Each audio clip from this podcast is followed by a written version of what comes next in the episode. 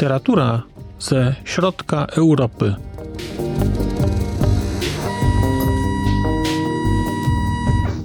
Podcast około książkowy. Halo, halo. Dzień dobry. Witam Państwa bardzo serdecznie w kolejnym odcinku podcastu około książkowego Znak Litera Człowiek.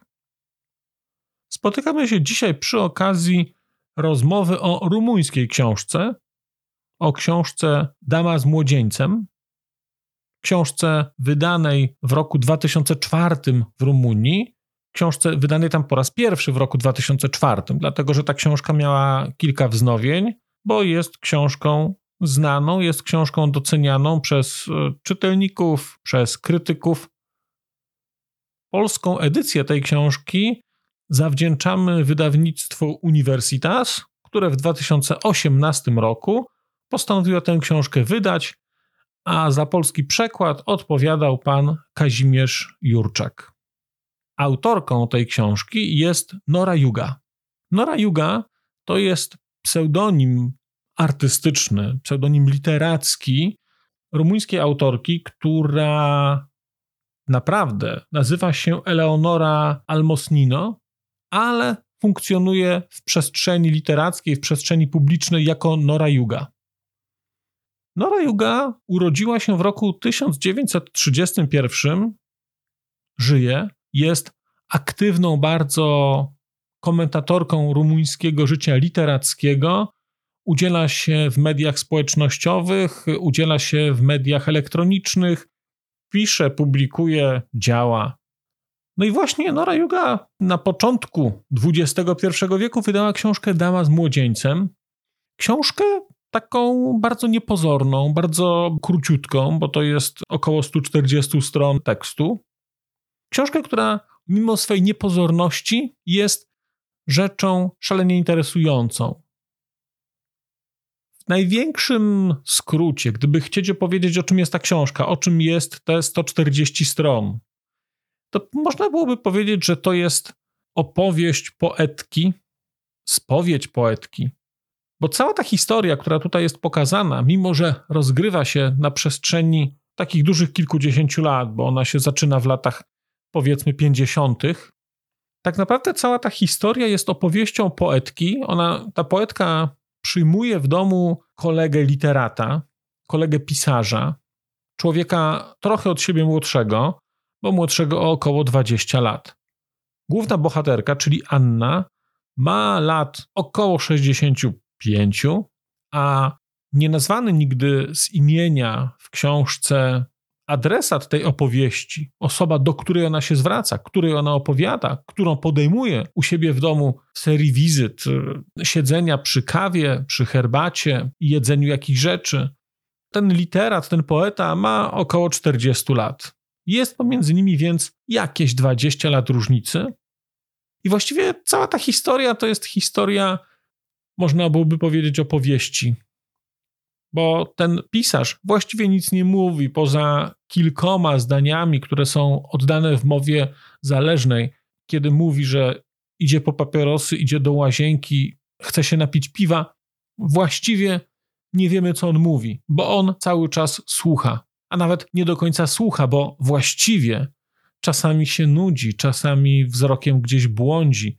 Tak naprawdę on jest odbiorcą, on jest adresatem tego, co mówi Anna, bo ta książka, te 140 stron, to jest 140 stron monologu Anny do młodszego kolegi, ale przede wszystkim do młodszego mężczyzny. Młodszego mężczyzny, który Annę pociąga, który wyzwala w Annie trochę już ukrytą, trochę już taką, trochę taką przebrzmiałą, trochę już przekwitłą kobiecość. I tak naprawdę jesteśmy świadkami takiego bardzo, bardzo głębokiego pragnienia, takiego pragnienia kontaktu fizycznego, pragnienia relacji intelektualnej. Bo widzimy trochę, jak Anna się zakochuje do pewnego stopnia, a z drugiej strony widzimy, jak ona go do jakiegoś stopnia nuży, do jakiegoś stopnia on nie jest zainteresowany tą relacją, chociaż to wszystko jest bardzo, bardzo nieoczywiste. Na treść książki składają się w głównej mierze opowieści Anny, i to są opowieści Anny mające formę takiego trochę strumienia świadomości, trochę jest to taka spowiedź, trochę jest to takie podsumowanie swojego życia, spojrzenie na życie gdzieś z oddali. Annę poznajemy w tej książce na początku lat 50., kiedy zaczyna pracę, czy pojawia się właściwie na takich praktykach studenckich w odpowiedniku polskich PGR-ów w jakimś takim gospodarstwie rolnym w Rumunii. Pojawia się na, tam na praktykach jako nauczycielka języka niemieckiego. Oczywiście ona tego języka tam nie uczy, bo ona, jak to praktyki robotniczo-chłopskie, ona tam pracuje przy zbiorze czegoś tam, nie wiem, arbuzów czy jakichś tam innych łodów. Więc widzimy Annę od młodości do takiej starości. I ona właściwie wspomina swoje życie, ale nie jest to książka, która jest opowieścią tylko i wyłącznie o życiu. Bo tak naprawdę widzimy Annę, która tą swoją opowieścią właściwie wyraża odę do młodości, która wyraża odę do zmysłowości. I cała ta opowieść jest opowieścią wysoce bezpruderyjną, taką. No nie spodziewamy się, że ktoś będzie nam opowiadał tę historię w taki sposób. Nie spodziewamy się tego, że takie historie ze swojego życia, taki sposób postrzegania życia, taki sposób postrzegania świata dookoła, że o takim sposobie postrzegania świata będzie mówiła 65-latka. Chociaż teraz wydaje mi się, że ta granica się bardzo zaciera i to się wszystko przesuwa, ale z perspektywy Anny, z perspektywy autorki, z perspektywy osoby, która wychowała się w trochę innych czasach, ta historia, która się tutaj wydarza, ta opowieść jest opowieścią jednak pokoleniową bardzo. To jest tak, że ona już czuje, że pewne granice gdzieś się przekroczyło. Kilkukrotnie w tej książce pojawia się takie stwierdzenie, że to jest taka sytuacja, w której hormony jeszcze zostają na pewnym poziomie, ale ciało już nie odpowiada w taki sposób, jakby się chciało. Więc ta książka jest taka bardzo mocno, powiedziałbym, do pewnego stopnia południowa. To jest książka o takiej zmysłowości ziemi, zmysłowości słońca, zmysłowości trawy, lasu, soku z arbuza. Te wszystkie rzeczy się gdzieś tutaj pojawiają i to wszystko buduje taką atmosferę bardzo, bardzo głębokiej szczerości. A jednocześnie widzimy też, jak bardzo dla tej autorki, dla Anny, jak bardzo dla osoby, której dzieje poznajemy, istotny jest aspekt e, zmysłowy, istotny jest aspekt czerpania radości z życia, z kobiecości, z takiej trochę dzikości, z trochę takiego ulegania pokusom, ulegania zachciankom.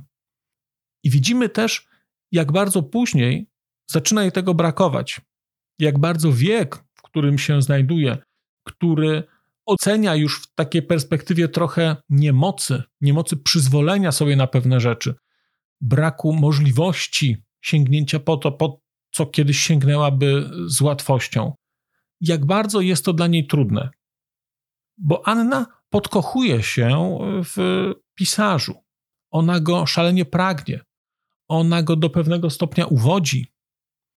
Ona ma taki moment, dosyć regularnie ma takie momenty, w których mimo że ma 65 lat, to kilkakrotnie podkreśla w rozmowie z nim, że a gdyby ona miała 20 lat mniej, to coś.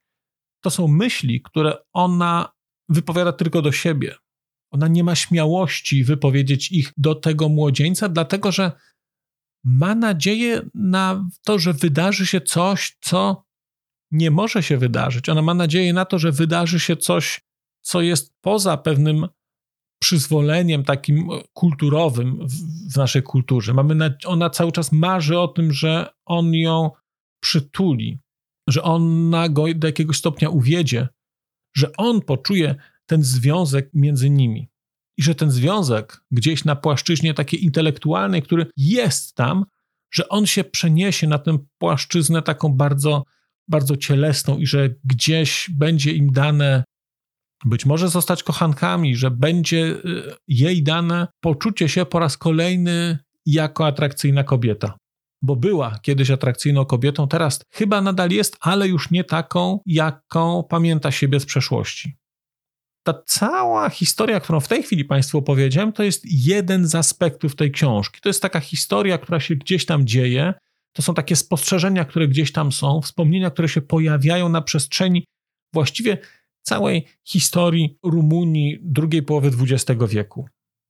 I drugim wątkiem w tej książce jest wątek, nazwijmy to rozliczeniowy, wątek historyczny dotyczący komunizmu w Rumunii. I to jest rzecz nadająca tej książce dodatkowej głębi. Bo to nie jest tak, że jest dama z młodzieńcem jakąś literaturą kombatancką, że jest literaturą, która w taki bardzo naturalistyczny sposób gdzieś opisuje wynaturzenia tego komunizmu, szczególnie tego rumuńskiego, który był bardzo brutalnym komunizmem i takim, gdzie wydaje mi się, że żadne z nas nie chciałoby tam mieszkać w Rumunii jednak za czasów komunistycznych. Ale jest to pokazane tutaj inaczej. Dlatego, że ten komunizm tutaj jest gdzieś taki przytłumiony. To znaczy, my jesteśmy świadkami e, tych wszystkich jego wynaturzeń, tych wszystkich bzdur, tych wszystkich absurdów i tych wszystkich zbrodni, ale z wyjątkiem kilku bardzo wyraźnie określonych sytuacji, które są pokazane bardzo konkretnie i one są pokazane konkretnie co do zdarzeń. To nie jest tak, że one są jakimś opisem czegoś bardzo szczegółowego, co się wydarzyło. Nie. To są bardzo krótkie historie, ale kończące się na takich bardzo wybrzmiewających akordach. One głośno się kończą. Kończą się tak, że, że brzmią później e, te historie, te zdarzenia w naszej głowie. Ale tak naprawdę mamy tutaj całą taką gamę zachowań ludzkich, bo przy okazji tej historii o komunizmie, ten komunizm właściwie nie pojawia się tutaj w kontekście historycznym. Tu nie ma postaci takich klasycznych. Nie wiem, czy się pojawia nazwisko Czałszewsku. Wydaje mi się, że chyba nie, że chyba ani razu się nie pojawia w tej książce tak naprawdę ten komunizm pojawia się tutaj poprzez pewnego typu zachowania społeczne, poprzez takie patologiczne zachowania, poprzez takie tchórzliwe zachowania. Zachowania, nazwijmy to elity kraju intelektualnej, bo mamy tutaj okazję oglądać od środka elitę literacką kraju. Właściwie nie wiem, czy słowo elita jest właściwe, ale jest to, są to pisarze rumuńscy, poeci rumuńscy, świat wydawniczy Rumunii, pokazany właśnie w kontekście wydarzeń drugiej połowy XX wieku i tego, jak oni odnajdują się w tym świecie, gdzie jest presja na zapisywanie się do partii, w tym świecie, gdzie bycie w partii oznacza większą szansę na wydawanie, w tym świecie, gdzie jacyś aparatczycy wykorzystują swoją pozycję do różnego typu machlojek, do tego też, żeby kogoś wspierać albo żeby kogo, komuś pewne rzeczy utrudniać. Jest ten wątek tutaj pokazany, ale to jest dużo ciekawszą rzeczą jest to, że bardzo gorzko, bardzo gorzko brzmiewa tutaj też ta rumuńska rewolucja. To, o czym mówiłem Państwu przy okazji innych książek rumuńskich, w szczególności książki o Nikolaju Czałszewsku, pojawiał się wątek tego, że ta rumuńska rewolucja, mimo że teoretycznie przyniosła wolność, to ta wolność była bardzo gorzka, dlatego że upadł Czałszewsku, ale przejęły władzę bardzo dziwne osoby. Tak naprawdę więcej ludzi zginęło bezpośrednio po rewolucji niż w, sam, w trakcie samej rewolucji. I tutaj te historie tych pierwszych lat wolności też gdzieś się pojawiają. To jest bardzo ciekawie pokazane. To jest bardzo też takie mam wrażenie, gorzkie dla współczesnej Rumunii spojrzenie, kiedy właściwie ta tranzycja między komunizmem a postkomunizmem jest bardzo płynna i właściwie jej nie ma. I właściwie z perspektywy tych pisarzy, którzy tutaj są pokazani, tych środowisk literackich, coś było, coś się potem rozlatuje, potem jest coś innego i właściwie nie widzimy tego momentu. Tutaj ta rewolucja jest pokazana w kontekście dwóch, trzech akapitów, gdzie się mówi, że porwali Czałszewsku, czy chyba nawet, mówię, wydaje mi się, że nie ma nawet Czałszewsku, ale kontekst jest wiadomy, że porwali przywódcę i go na takim sfałszowanym procesie zabili, a później w trakcie różnego rodzaju wystąpień przez miesiąc przypadkowo osoby były zabijane. Więc jest ten wątek e, rumuński, ale urok tej książki, wydaje mi się, największy polega z jednej strony na przeplataniu tej historii osobistej z tą historią rumuńską. Do tego to jest wspierane jeszcze taką postacią bliskiej przyjaciółki głównej bohaterki, czyli Terezy. To jest rumuńska Węgierka, która robi karierę w partii, no nie tylko w partii, która generalnie robi karierę, która potrafi wykorzystywać sytuację, a jednocześnie w ocenie autorki, no to jest jej przyjaciółka. To jest osoba, z którą czasami jest źle, z którą przez długie lata na przykład nie utrzymuje kontaktów, ale jest cały czas w jej głowie. Więc są te trzy wątki. Te historie osobiste, przeplatane z taką zmysłowością i przeplatane z tą historią Terezy, i do tego jest ta Rumunia. Na poziomie samym koncepcji, na poziomie fabuły, to jest ciekawe, ale największym urokiem tej książki i największym pięknem tej książki jest język i jest sposób przedstawiania świata, który tutaj jest pokazany. A jest tak dlatego, że Nora Yuga opisuje świat w sposób bardzo zmysłowy, ale jednocześnie niedosadny. To jest takie opisanie świata, które, gdzie niby wszystko wiadomo, ale tak naprawdę nic nie jest jasno powiedziane. I to jest, to jest przepiękne, bo to jest trochę na poziomie takiej wyobraźni poetyckiej, wręcz bym powiedział. Jest tutaj bardzo dużo bardzo pięknych metafor pokazujących w szczególności takie przejście, które dokonuje się pomiędzy różnymi aspektami tej uczuciowości od wieku młodego do wieku dojrzałego.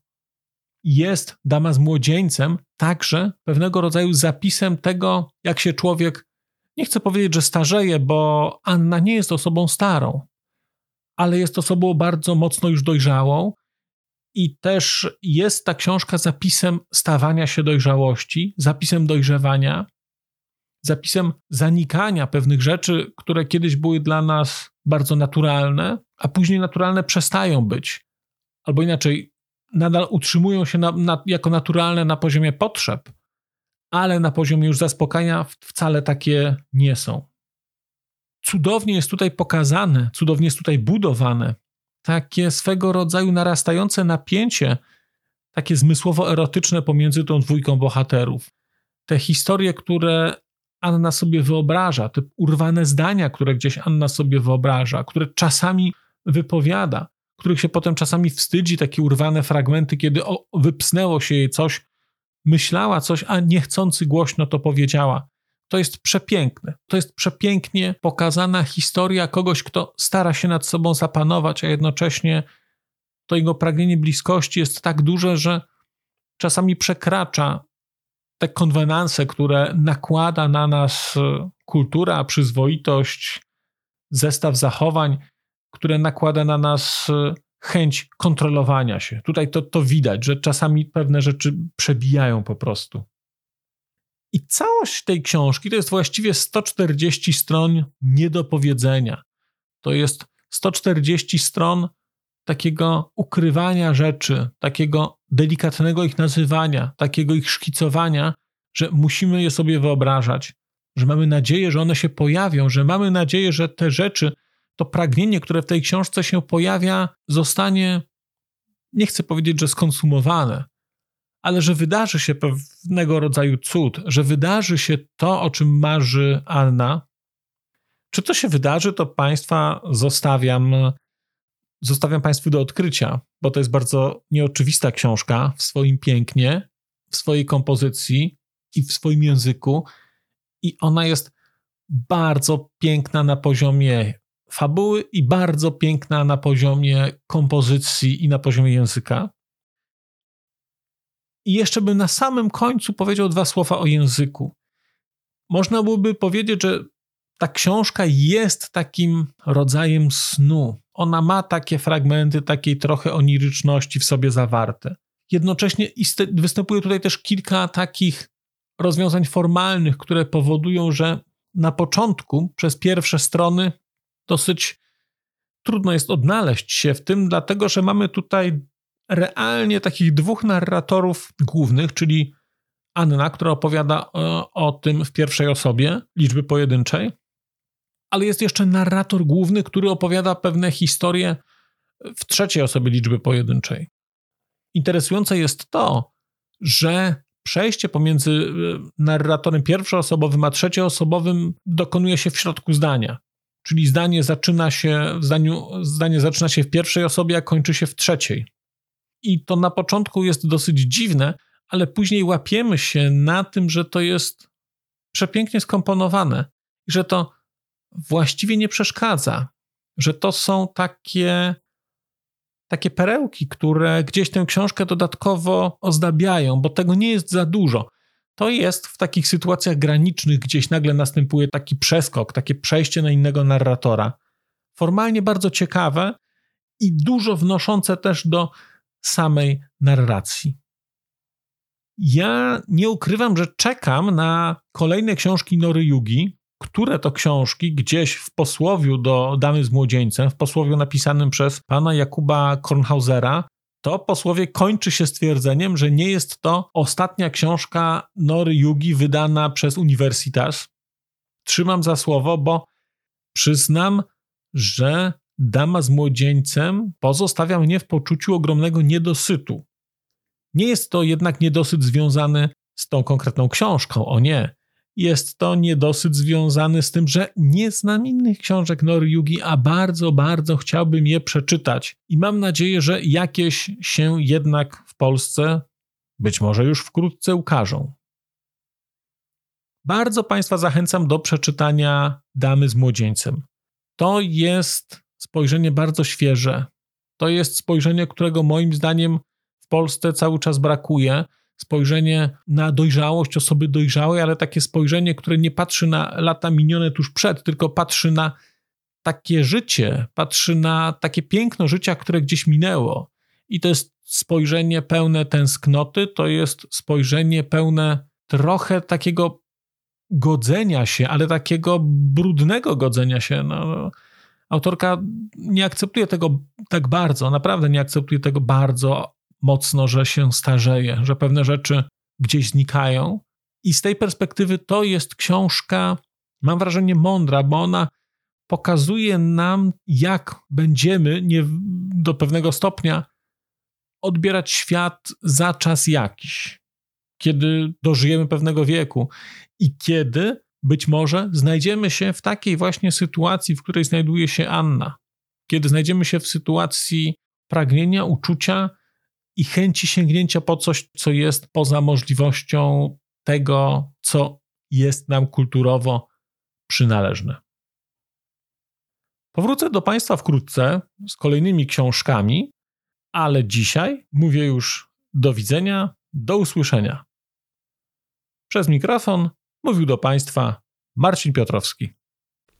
A już zupełnie na koniec powiem, że skoro wysłuchaliście Państwo tego odcinka, to w jego opisie znajdziecie link do serwisu YouTube. W wersji YouTube'owej e, jest miejsce na skomentowanie go. To jest takie miejsce, gdzie można komentować ten odcinek, rozmawiać, zadawać pytania, wymieniać się spostrzeżeniami, do czego Państwa bardzo zachęcam, gdyż udało się już na tym YouTubie zgromadzić trochę bardzo ciekawych osób, bardzo ciekawych komentarzy i trochę stworzyć taką społeczność ludzi rozmawiających o książkach.